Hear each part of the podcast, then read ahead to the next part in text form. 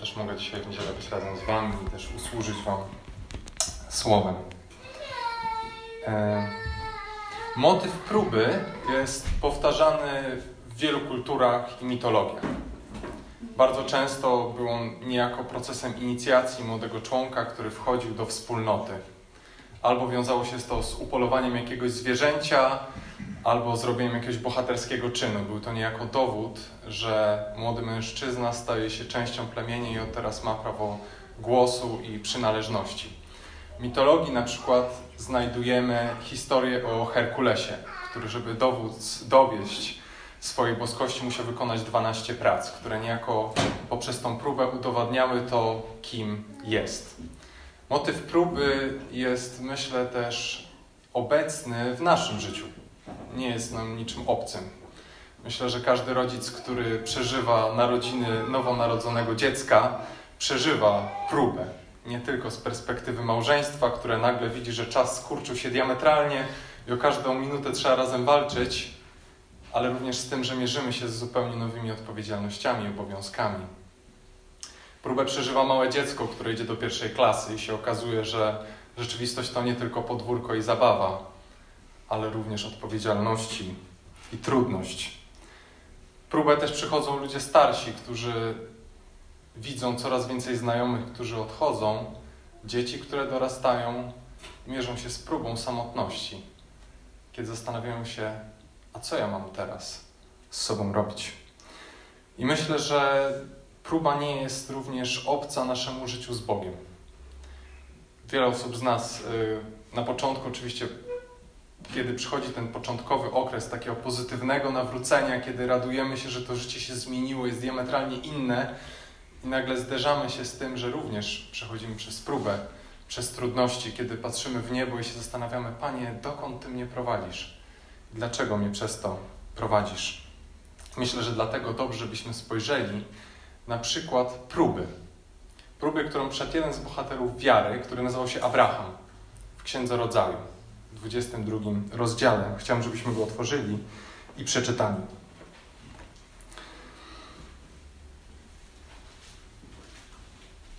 Dwudziesty drugi rozdział Księgi Rodzaju.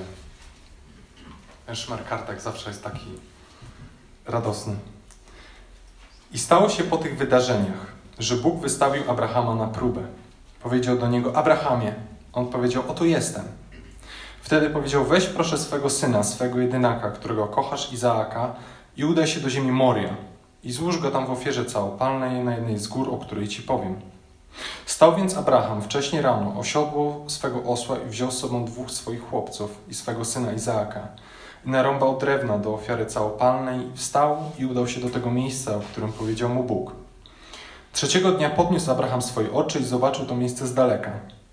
Wtedy powiedział Abraham do swoich chłopców: Zostańcie tutaj z osłem, a ja i chłopiec pójdziemy tam, a gdy pokłonimy się Bogu, wrócimy do was.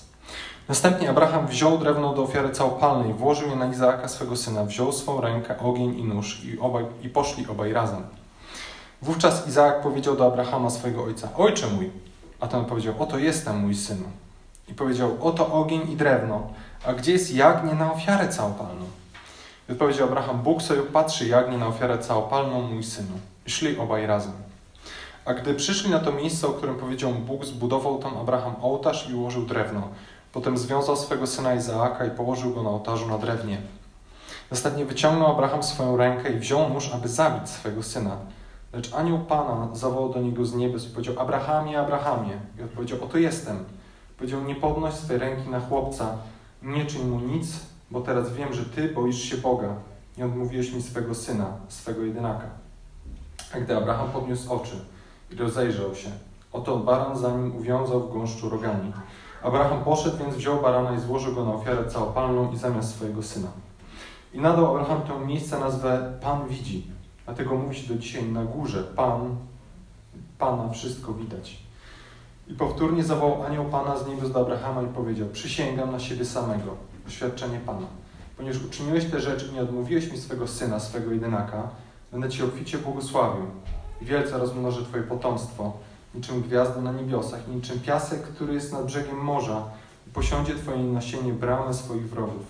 I błogosławić się będą w Twoim nasieniu wszystkie narody ziemi, za to, że usłuchałeś mego głosu. Potem wrócił Abraham do swoich chłopców. Powstali, udali się razem do Berszeby. Mieszkał Abraham w Berszebie. Przy fragmentach, które są trudne i dosyć niewygodne, dobrze, żebyśmy spojrzeli sobie, co się dzieje troszeczkę wcześniej i troszeczkę później, żebyśmy mogli nabrać chociaż odrobinę tego potrzebnego kontekstu. Abraham został wezwany przez Boga poprzez obietnicę. Powiedział do niego: Wyjdź ze swojej, swojego miejsca zamieszkania, z Ur, wyjdź z tej ziemi, idź do ziemi Kanan i ja z ciebie uczynię wielki naród. Dał Abrahamowi konkretną obietnicę, której Abraham uwierzył. Której Abraham uwierzył. Abraham więc wychodzi i przechodzi przez pierwsze swoje kroki wiary. Stopniowo Bóg poszerzał tą obietnicę. W pewien sposób ją wypełniał. Zapowiedział mu na przykład, kiedy Abraham wychodzi na zewnątrz, Bóg mówi: Policz gwiazdy na niebie. Abraham liczy jedna, druga, trzecia, czwarta, nie może się doliczyć. I Bóg mówi: Tak ogromne będziesz miał potomstwo. Później zapowiada mu, że urodzi mu się syn, konkretny syn, którego miał nazwać Izaak, na którego Abraham czekał aż 25 lat.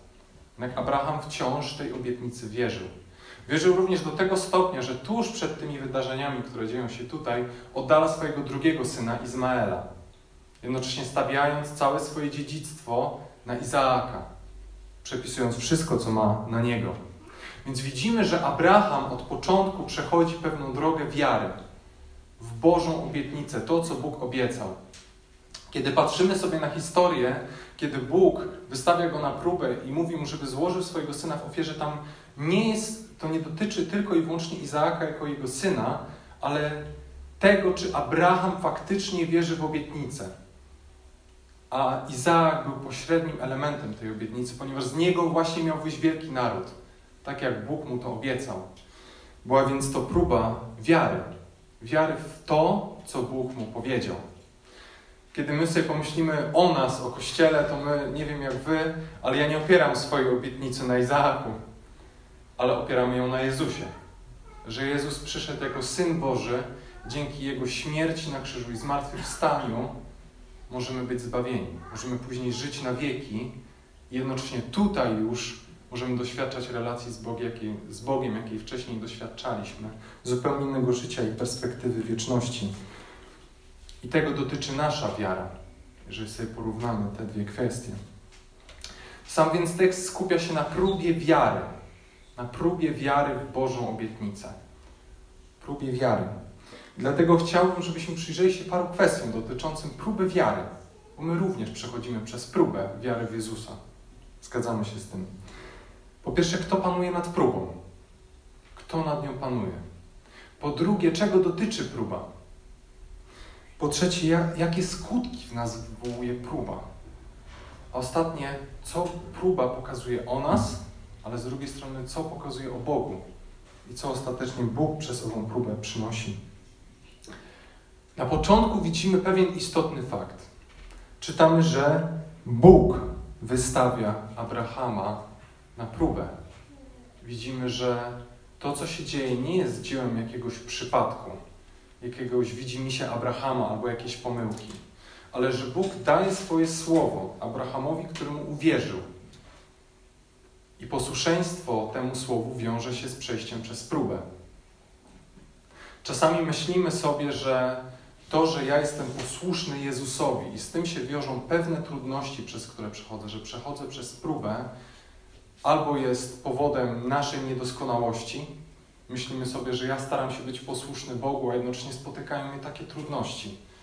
To albo Bóg to robi dlatego, że jest ze mnie niezadowolony, albo dlatego, że to jest tak naprawdę przypadek, albo inni mnie prześladują i to jest ich kwestia, a Bóg tak naprawdę nad tym nie panuje, albo często jeszcze szukamy powodów w obcych siłach, kiedy staramy się to zrzucić na jakieś duchowe moce, nad którymi Bóg nie panuje i szukamy jakiegoś duchowego, głębszego doświadczenia, żeby to minęło, żeby ten stan próby się nie wydarzył. Ale dostrzegamy tutaj Boga, który nie boi się próbować charakteru swoich ludzi. Nie boi się próbować ich charakteru i pozwala na to, że z powodu posłuszeństwa Jemu doświadczają trudności. bo to, co Abraham przechodził, było trudne. I to może się wydawać trudne na pierwszy rzut oka, ale z drugiej strony pomyślcie, jeżeli Bóg w pewien sposób poprzez swoje słowo nie pozwala na próbę, to kto nad nią panuje? Komu możemy zaufać, kiedy przechodzimy przez trudność, kiedy jesteśmy mu posłuszni? Jeżeli to wszystko to jest przypadek, to jak możemy powiedzieć, Panie, dzieje się coś, czego ja bym nie chciał. Staram się być Tobie posłuszny, ale ufam Tobie, że Ty nad tym panujesz. Widzimy, że Bóg w pewien sposób przez swoje słowo wystawia Abrahama na próbę. On ją zaczyna, ale on też ją kończy. I od początku do końca ma to w swoich rękach. Nie wymknęło mu się to spod kontroli. Nie wymknęło mu się to spod kontroli. Próby, które przechodzimy, w pewien sposób Bóg na nie pozwala i nie są dziełem błędu. Jest to Boże narzędzie, żeby sprawdzić naszą wiarę, żeby sprawdzić nasze zaufanie względem Jezusa. I w pewien sposób Bóg w ten sposób pomaga nam wzrastać i dojrzewać. Bóg nad próbą panuje i Bóg ją w pewien sposób rozpoczyna. Kiedy Jezus wysyła swoich uczniów na misję i mówi: idźcie do swoich braci i mówcie im o mnie. W Ewangelii Mateusza to również mówi, że wysyłam was jak owce między wilki. W pełni zdaje sobie sprawę z tego, z czym się wiąże posłuszeństwo temu, co do nich mówi. I pozwala na to. I wie, że będzie ich to dużo, ale to dużo kosztować. Nie jest to poza jego kontrolą. Ale jednocześnie cały czas podkreśla, że nie lękajcie się, ale polegajcie na mnie. Polegajcie na mnie w tym wszystkim tym, przez co przechodzicie. Po drugie, widzimy, czego dotyczy ta próba. Czego dotyczy próba? Dostrzegamy, że próba dotyczy czegoś, co jest dla Abrahama bardzo, ale to bardzo ważne i cenne.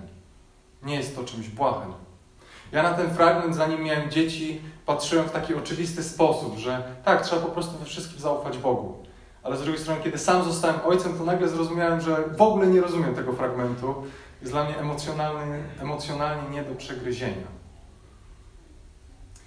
Jeżeli ktoś by nam powiedział, że mamy się poświęcić lub zaryzykować coś, co jest dla nas nieważne, na przykład gdy chcemy pozbyć się jakiegoś mebla z domu, byśmy powiedzieli pewnie, bierz to. Ale kiedy ktoś chciałby nam zabrać jakąś pamiątkę po rodzicach, jedyne, co nam świadczy o ich pamięci, to już byśmy się poważnie zastanowili. Widzimy, że Bóg wystawia Abrahama na próbę i to dotyczy czegoś, co jest dla niego cenne. I popatrzcie, Bóg w tej sytuacji nie mówi do, Iza, do Abrahama, no weź jakiegoś tam syna, przybłędę, weź go, złóż go tam w ofierze. Generalnie nie interesuje mnie, kim on jest. Ale popatrzmy, że Bóg, władca wszechświata, prosi Abrahama. Powiedział do niego: Weź proszę, i popatrzcie na to, jak opisuje swojego syna Abrahama. Swego syna, swego jedynaka, którego kochasz, Izaaka. Z jaką czułością Bóg wypowiada się o Izaaku, który dla Abrahama jest ważny. Co więcej, cały tekst, cały ten 22 rozdział, zwrot swego syna używa aż 10 razy.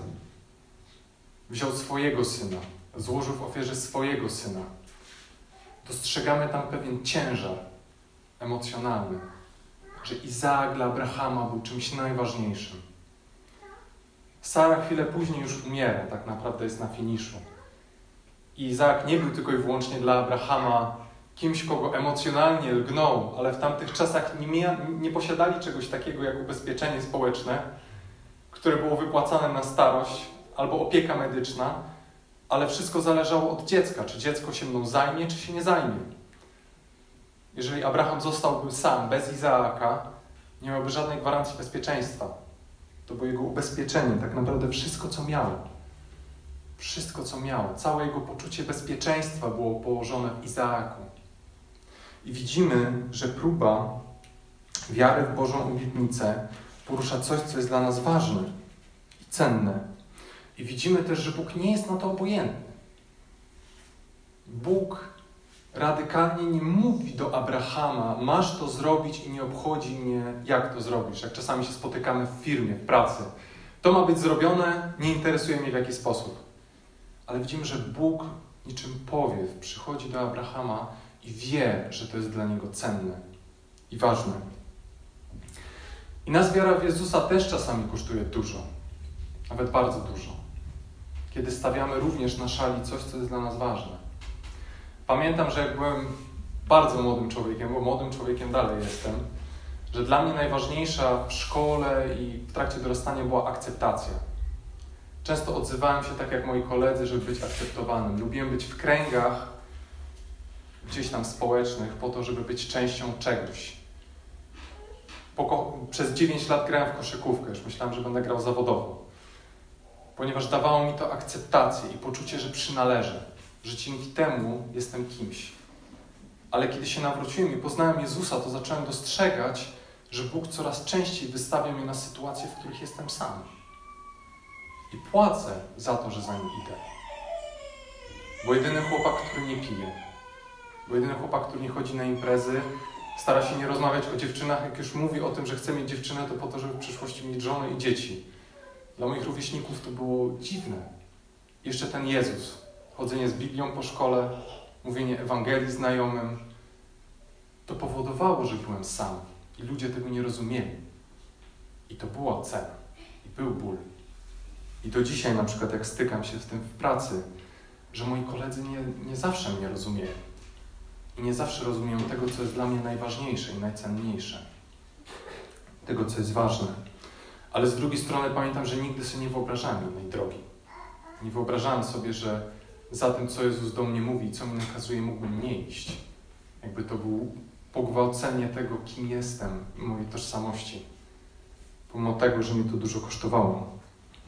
I się przygotowywałem do tego kazania, to również, jak rozmawiałem z żoną, patrzyłem wstecz, właśnie jak Bóg na swojej drodze w pewien sposób dotykał tego, co jest dla mnie ważne, to było to dla mnie bardzo poruszające, że kiedy myślałem właśnie o tym, że ta akceptacja była tak istotna, to że Bóg od początku to wiedział.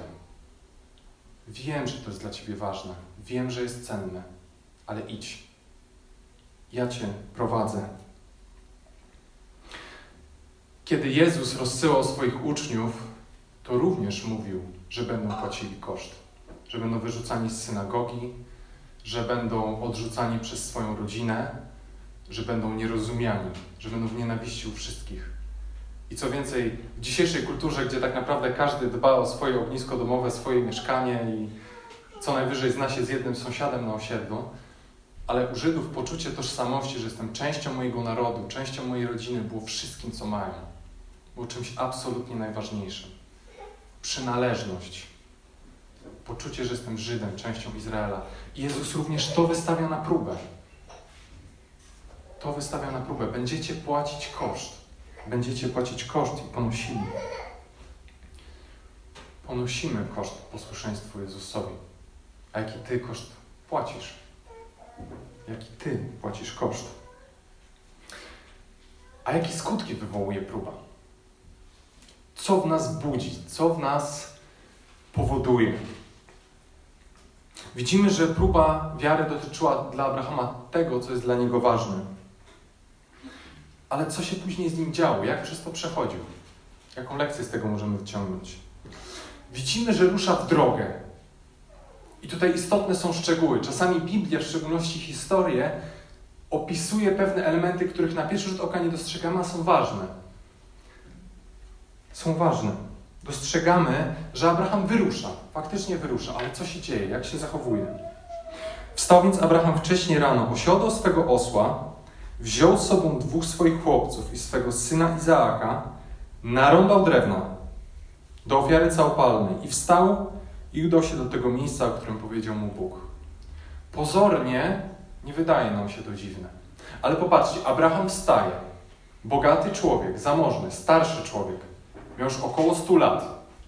Jeżeli ktoś miał 100 lat, to wiemy dobrze, że już tylu sił nie ma ilu w wieku 25 lat.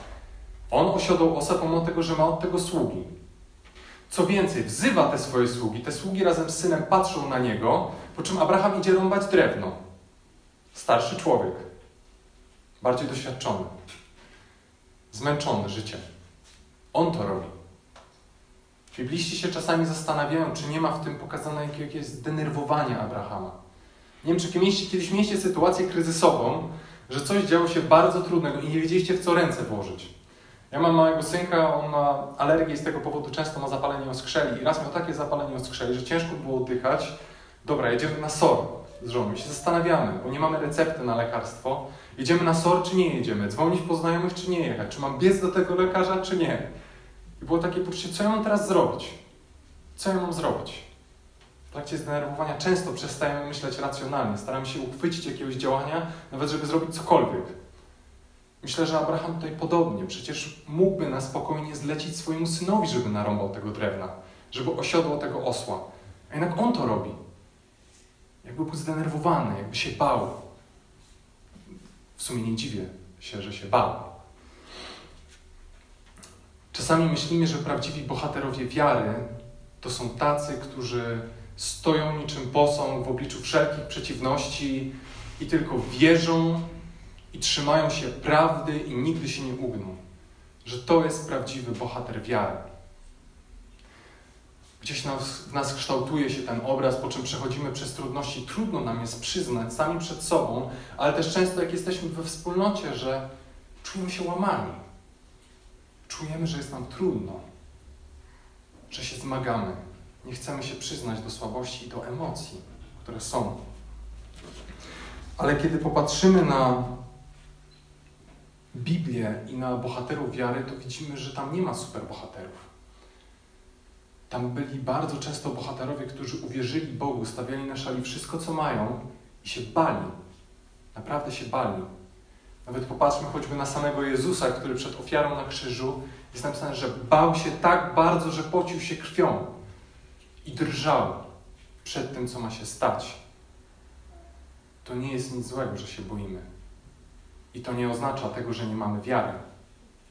Kiedy na Hioba spadają różne trudne okoliczności, oczywiście jego próba była trochę inna niż Abrahama, to również rozdziera szaty, płacze i krzyczy, ale jest napisane, że w tym wszystkim Hiob nie zgrzeszył przed Bogiem. Nie zgrzeszył. Pomimo tego, że był szczery wobec tego, przez co przechodzi. Wiara to nie stoicka emocjonalna obojętność. To droga przez lęk. Przez wiara to są drżące ręce, nieprzespane noce. Droga wiary to jest niepewność na każdym kroku. Kiedy idziemy i nie wiemy dokąd idziemy i się boimy. I co więcej, nie musimy tego kryć. Nie musimy udawać, że jesteśmy tacy piękni i że ze wszystkim sobie radzimy. Bo możemy sobie nie radzić ale wciąż pytanie, gdzie szukamy pomocy. I czy ten strach powoduje, że nie idziemy tam, gdzie Bóg chce, i czy się nie zatrzymujemy i w tym strachu nie zostajemy. Strach to nie jest problem, ale jeżeli strach powoduje i determinuje to, gdzie jesteśmy, to to jest coś złego. To jest normalne, że idziemy z Bogiem i się boimy. Wiara to też nie symfonia tylko i wyłącznie pozytywnych uczuć. Czasami słyszę od ludzi, że rozmawiają z kimś innym i narzekają, że w trakcie nawrócenia to były takie pozytywne emocje, taka obecność Pana, taka pewność, a teraz już jej nie ma. A teraz już jej nie ma. Ale wiara to nie tylko pozytywne emocje. Choćby patrzę na same psalmy, gdzie jest całe spektrum różnego przeżywania trudności, różnego przeżywania trudności. I myślę, że ten aspekt akurat dla dzisiejszego świata jest totalnie niezrozumiały, że idziemy pomimo tego, że się boimy i nas to kosztuje. Dzisiejszy świat dąży do jak największego takiego komfortu emocjonalnego, żeby robić tylko to, co nie wzbudza stresu, nie wzbudza lęku, nie wzbudza problemów. Słuchałem kiedyś wywiadu z taką dziewczyną, która opowiadała o tym, jak wyszła z kościoła, rozmawiała z panią psycholog. Ta pani psycholog opowiadała, że duchowość jest bardzo dobra i zdrowa. To, że się modlimy, to, że sobie wzmacniamy właśnie pozytywne uczucia, ale mówiła, ale kiedy pojawia się kwestia pokuty, to jest coś złego. Kiedy zwracamy uwagę na naszą grzeszność, na naszą słabość, to jest coś złego. I w to już nie mamy iść. I to jest właśnie ten świat, który próbuje przygarnąć Pana Boga tylko z tym, co jest przyjemne, ale nie patrzy na to, jaka jest ta droga wydeptana przez Jezusa, która wcale prosta nie była. Nie wiązała się tylko z pozytywnymi emocjami. Jak mam robić coś, co jest dla mnie emocjonalnie trudne i obciążające? Dla Boga, który mnie wzywa. Ale finalnie w próbie nie chodzi, myślę, tylko i wyłącznie o koszt albo o tym, jakie skutki w nas to wywołuje, ale to, jakiego Boga pokazuje. Widzimy, że Abraham przechodzi przez próbę. Przechodzi również przez próbę pytań, które zadaje mu jego syn, gdy się pyta: Ojcze, widzę, że składam ofiarę całą gdzie jest baranek? Abraham w swoim zdenerwowaniu raz mówi do chłopców, że idziemy oddać pokłon Panu, a później, że Pan zapewni baranka. Abraham przechodzi przez próbę, ufając Bożej obietnicy do końca. I to, co widzimy, to to, że ta próba pokazała, jaka jest wiara Abrahama. I po drugie, jaki jest Bóg tak naprawdę w tej próbie. Widzimy, że sprawdzała wiarygodność wiary Abrahama. Jakub w swoim liście mówi, że poprzez tą próbę wiara właśnie tego patriarchy wypełniła się, pokazała się jako prawdziwa, stała się czymś namacalnym. Nie była tylko jakimś suchym przyjęciem jakiegoś faktu, takiej obietnicy pod tytułem Boże, Ty mi obiecujesz, więc ja wierzę gdzieś tam w głowie. Ale stała się czymś realnym, stała się krokiem w mrok. Czasami myślimy, że wiara to jest tylko i wyłącznie pojęcie i rozumienie jakichś dogmatów, że to jest znanie wiedzy, posiadanie wiedzy na temat całego Słowa Bożego, znanie fragmentów na pamięć, co oczywiście ma wartość.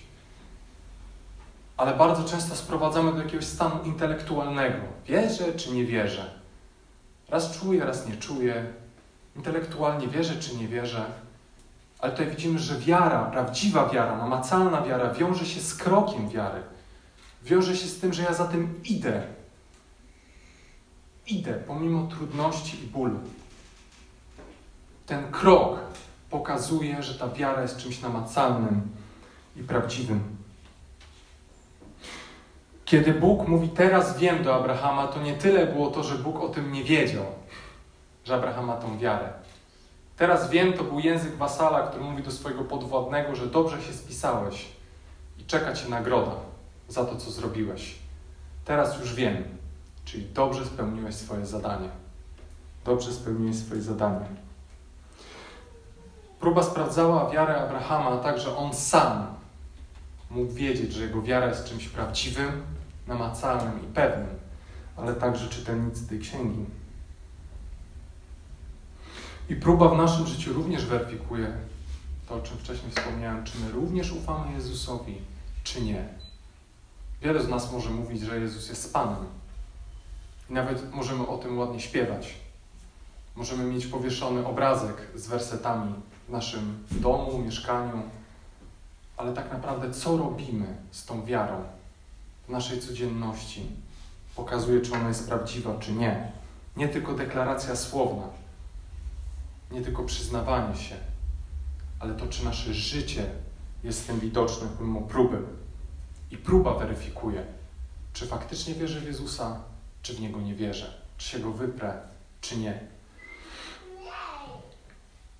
I czasami przez próbę wiary myślimy, że przychodzą tylko ludzie w krajach prześladowanych, że oni tam mają ciężko. I oczywiście to jest prawda. Modlimy się o nich i to ma wartość. Ale myślę, że w naszej kulturze my również przechodzimy przez próbę. Choćby tego, że wokół nas jest tak wspaniały komfort, który nas ciągnie. I dążenie do tego, żeby nie było żadnych konfliktów, żadnych problemów. Po to przecież ciężko pracujemy. Kiedy ktoś zakłada firmę, to nie myśli o tym, że robię to z idei, żeby pomagać ludziom wokół. Oczywiście wierzę, że wielu przedsiębiorców ma taką intencję i chce w to wierzyć, ale myślę, że duża część myśli o tym, że teraz się nacharuję po 24 godziny na dobę, później firmę sprzedam i w końcu będę mógł robić to, co chcę. W końcu będę mógł robić to, co chcę. Będę miał naprawdę komfortowe życie.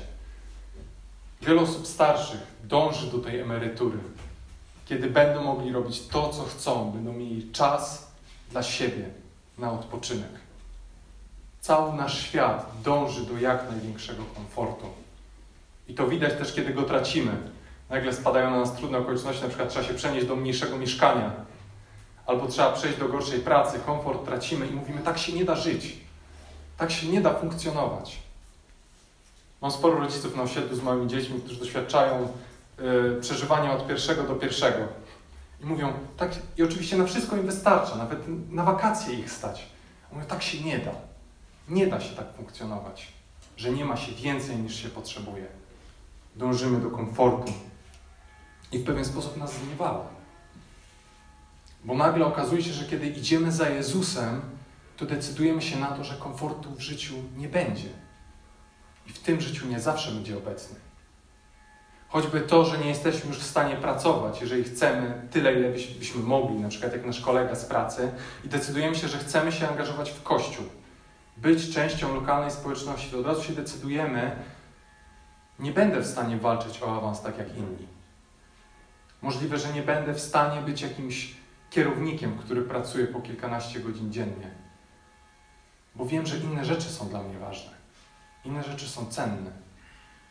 Czasami jest tak, że ktoś decyduje się, że nie będzie poświęcał swojej rodziny, wyjeżdżał gdzieś za granicę, żeby zarobić więcej, gdzie będzie sam, gdzie nie będzie kościoła, tylko chce być tutaj ze swoją rodziną, budować ten dom i jednocześnie móc służyć w kościele. I to jest próba komfortu. Albo kiedy starsza osoba już wie, że jej mąż albo żona nie żyją, w kościele nie ma groma chętnych i stoimy przed próbą. Czy wybieram samotność, czy uchwycę się kogokolwiek, nawet osoby niewierzącej, grunt, żeby nie być samym. I to jest próba, bo decydujemy się, że nasz komfort jest poświęcony w imię Jezusa. Ja pamiętam zawsze, jak służyliśmy z żoną w służbie młodzieżowej, takim testem wiary dla młodzieży, czy ich deklaracja wiary jest prawdziwa, czy nie, było to, jak patrzą na swoje relacje. Przychodził na przykład ktoś, kto był w związku z osobą niewierzącą, i teraz pytanie, co z tym zrobi? Widzieliśmy, pamiętam, że spotkałem parę osób, które decydowały się, że kończą ten związek ze względu na to, że chcą być posłuszni Jezusowi i chcą za nim iść. I to był prawdziwy dowód, że ta wiara jest prawdziwa bo byli w stanie poświęcić coś, co jest dla nich ważne i komfortowe, bo wiedzieli, że Jezus jest kimś ważniejszym i cenniejszym, znacznie cenniejszym. Kochamy komfort. Rozmawiałem ostatnio z takim pastorem z Gdańska, starszym Amerykaninem, który opowiadał o tym, jak studiował na super uniwersytecie, gdzie zajmowali się IT. To było masa lat, dużo lat temu, bardzo prestiżowy kierunek i nagle stanął przed decyzją, że chce jednak jechać na misję. I służył w Europie, teraz służy w Gdańsku, w Moskwie służył. I opowiadał, jak stanął przed rodziną mówił, chcę jechać na misję, chcę rezygnować z tych studiów. I rodzina wierząca. I mówili, żeby tego nie robił, żeby się nie poświęcał. I najważniejszy argument był taki, że chodzi o pieniądze. Że najważniejsze w życiu to jest mieć dobry byt, a nie to, żeby służyć Bogu. Mam również kolegę z seminarium, który powiedział, że nie idzie na Politechnikę, tylko chce właśnie być pastorem w przyszłości. Miał drakę w domu. Że co ty robisz ze swoim życiem? Gdzie ty idziesz? Co robisz? Możliwości przed tobą. I ty się na to decydujesz? Nasza kultura nie rozumie poświęcenia dla tego, co jest naprawdę ważne. Nie rozumieją tego, jak można zrezygnować z czegoś, co jest komfortowe. I myślę, że my też się z tym zmagamy. Bo dużo łatwiej jest milczeć w pracy i nie mówić o Jezusie, bo wyjdę na kogoś dziwnego.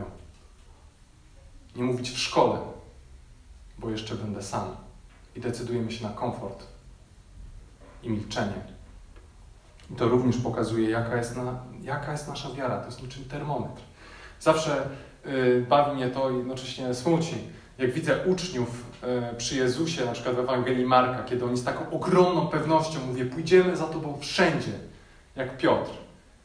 Gdziekolwiek nas nie poślesz, pójdziemy, choćby na śmierć. I później co się działo? Próba za próbą. I porażka za porażką.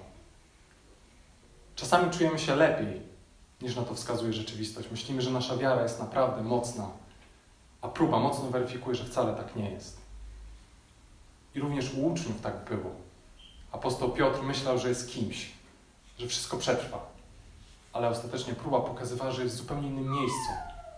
I że bohater, bohater Ewangelii jest tylko jeden. bo tylko jeden ostatecznie został na scenie, a był nim Chrystus. Próba jest niczym termometr, który pokazuje, jacy naprawdę jesteśmy. Czy ta wiara to jest tylko deklaracja, czy jest czymś żywym, namacalnym, prawdziwym, widocznym. Po drugie, próba ukazuje, jaki naprawdę jest Bóg. Jaki naprawdę jest Bóg. I popatrzcie, że w chwili największego dramatu i napięcia, w kulminacji, widzimy, że Abraham unosi nóż, ale Bóg mówi stop. Mówi stop. I z naszej perspektywy nie wygląda to jakoś fenomenalnie. Byśmy powiedzieli, uf, Bóg, którego znamy z Nowego Testamentu, okazał się tym samym Bogiem. To był jakiś żart. Jakaś pomyłka. Pan Bóg zrobił mu psikusa. Dzisiaj byśmy powiedzieli. I trudno nam jest przez to czasem wytłumaczyć ten fragment.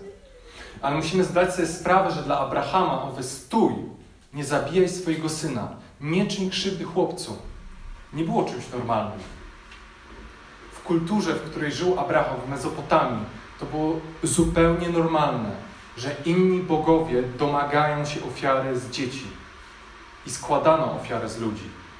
Był Boże, który się nazywał El i on często oczekiwał, że ludzie będą składali swoje dzieci w ofierze jako gest lojalności i poświęcenia. Więc kiedy Izraelici, idąc, kiedy najprawdopodobniej do nich była adresowana ta księga, wchodzili do Kaananu, albo kiedy Izraelici wracali z Babilonu, gdzie dostrzegali mnóstwo innych bogów, którzy się tego domagali od swojego ludu. A tutaj nagle przychodzi Bóg, który mówi: Stop, nie czyń mu krzywdy. Nie chodzi mi o krew chłopca, tylko o próbę, żeby zobaczyć, czy się nie boisz. To był szok. Ten Bóg jest inny. Temu Bogu nie chodzi o krwawe ofiary. U Niego nie musimy składać ofiar z dzieci, ale ze zwierząt. Czasami, kiedy królowie izraelscy wracali do pogaństwa, to dostrzegamy, że jeden z głównych objawów tego był, że wznawiano te ofiary z ludzi w ramach lojalności wobec tych bogów. Widzimy, że Abraham spotyka w tej próbie Boga, którego wcześniej nie znał. Ona ukazuje, jaki naprawdę jest Bóg.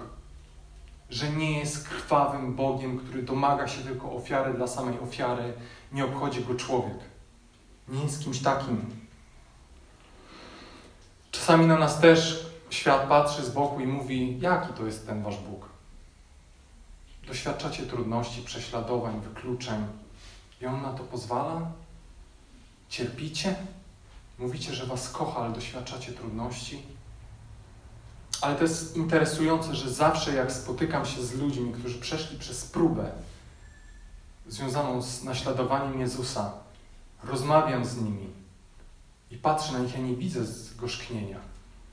Nie widzę poczucia, że ten Bóg jest pełen nienawiści, gniewu i mam go dosyć. Ale zawsze jest takie głębsze spojrzenie, że ta osoba zna Boga w taki sposób, w jaki ja go nie znam. I to jest fascynujące. I co by się nie działo, ci ludzie są blisko Boga, trzymają się Go i dostrzegasz, że to, co mają w sobie, jest wyjątkowe i prawdziwe.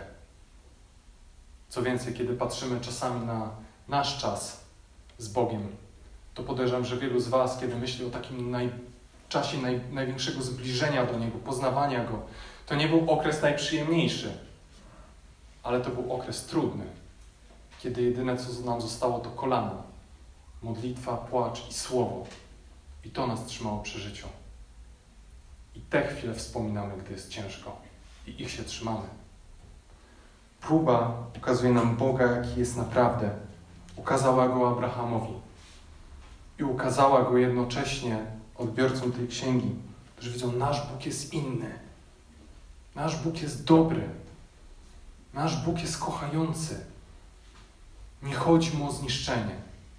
Nie chodzi mu o ofiarę samą z siebie.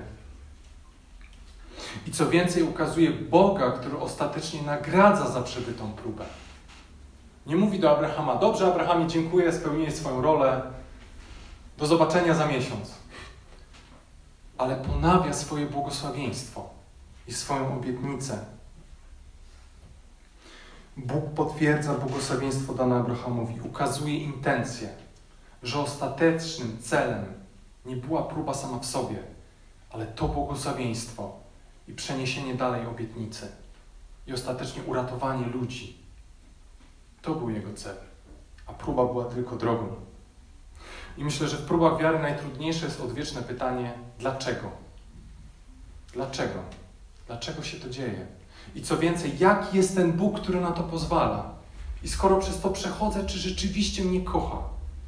Czy jest kimś, czy ja jestem kimś ważnym dla Niego, czy jednak nie?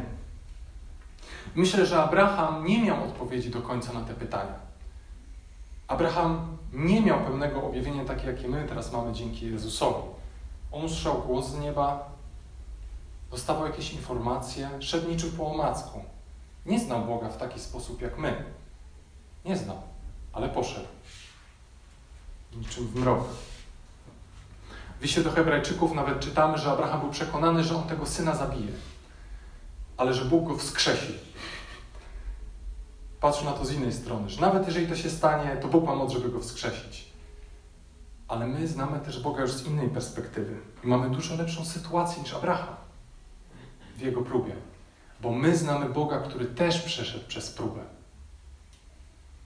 My znamy Boga, który też przeszedł przez próbę, która dużo go kosztowała, która się działa za pozwoleniem Ojca, w trakcie której były drżące ręce, był koszt, były emocje i był krzyż.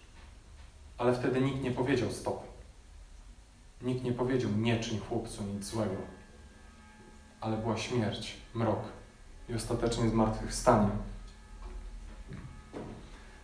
I co ciekawe, tak jak Bóg stoi przed Abrahamem i mówi do niego: Teraz już wiem.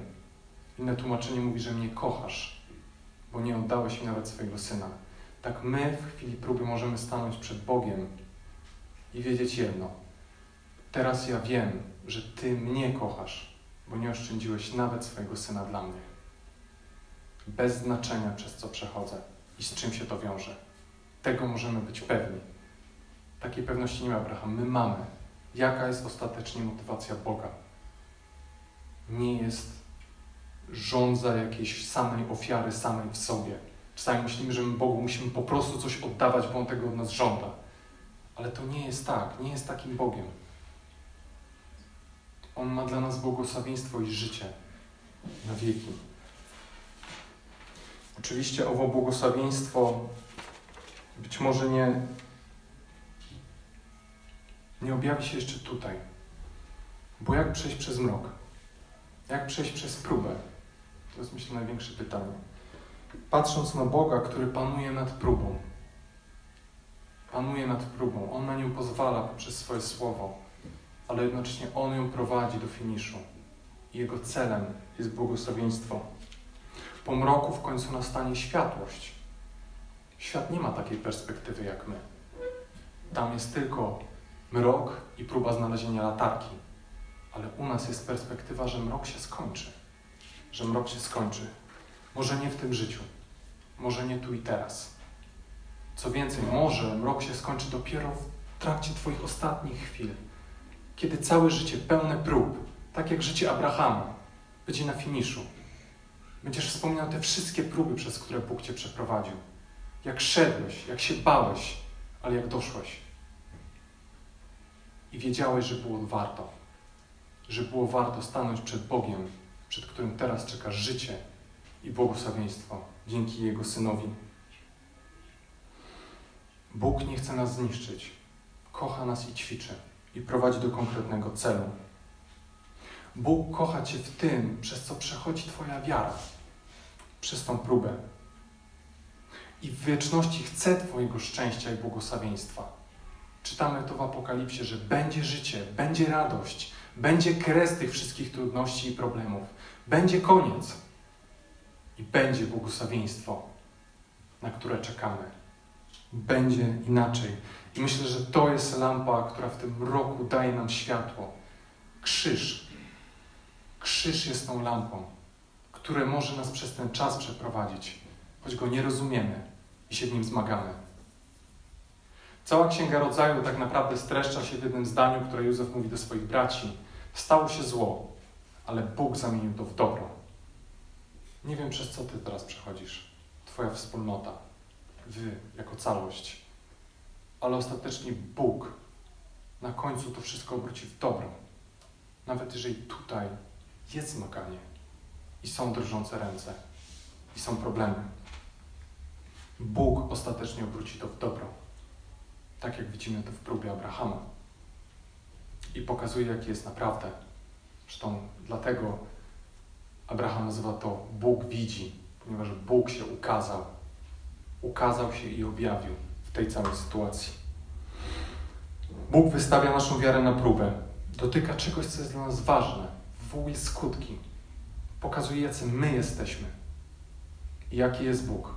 Ale ostatecznie również przynosi błogosławieństwo po przejściu tej próby. Przez jaką próbę Ty przechodzisz? I Wy jako społeczność. Czasami jest łatwo sprowadzić takie pytanie do tylko tego, tak, jako zbór zmagamy się z tym i z tym. Wiemy, że jesteście młodym kościołem, rozpoczynającym to wspaniałe dzieło i można to sprowadzić do całości. Ale stań sam przed sobą, przed Bogiem. I z czym ja się zmagam? Przez jaką próbę ja przechodzę? Przez jaką próbę ja przechodzę? I co ona pokazuje o mojej wierze?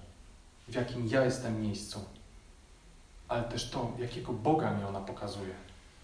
Jakiego Boga mogę doświadczać.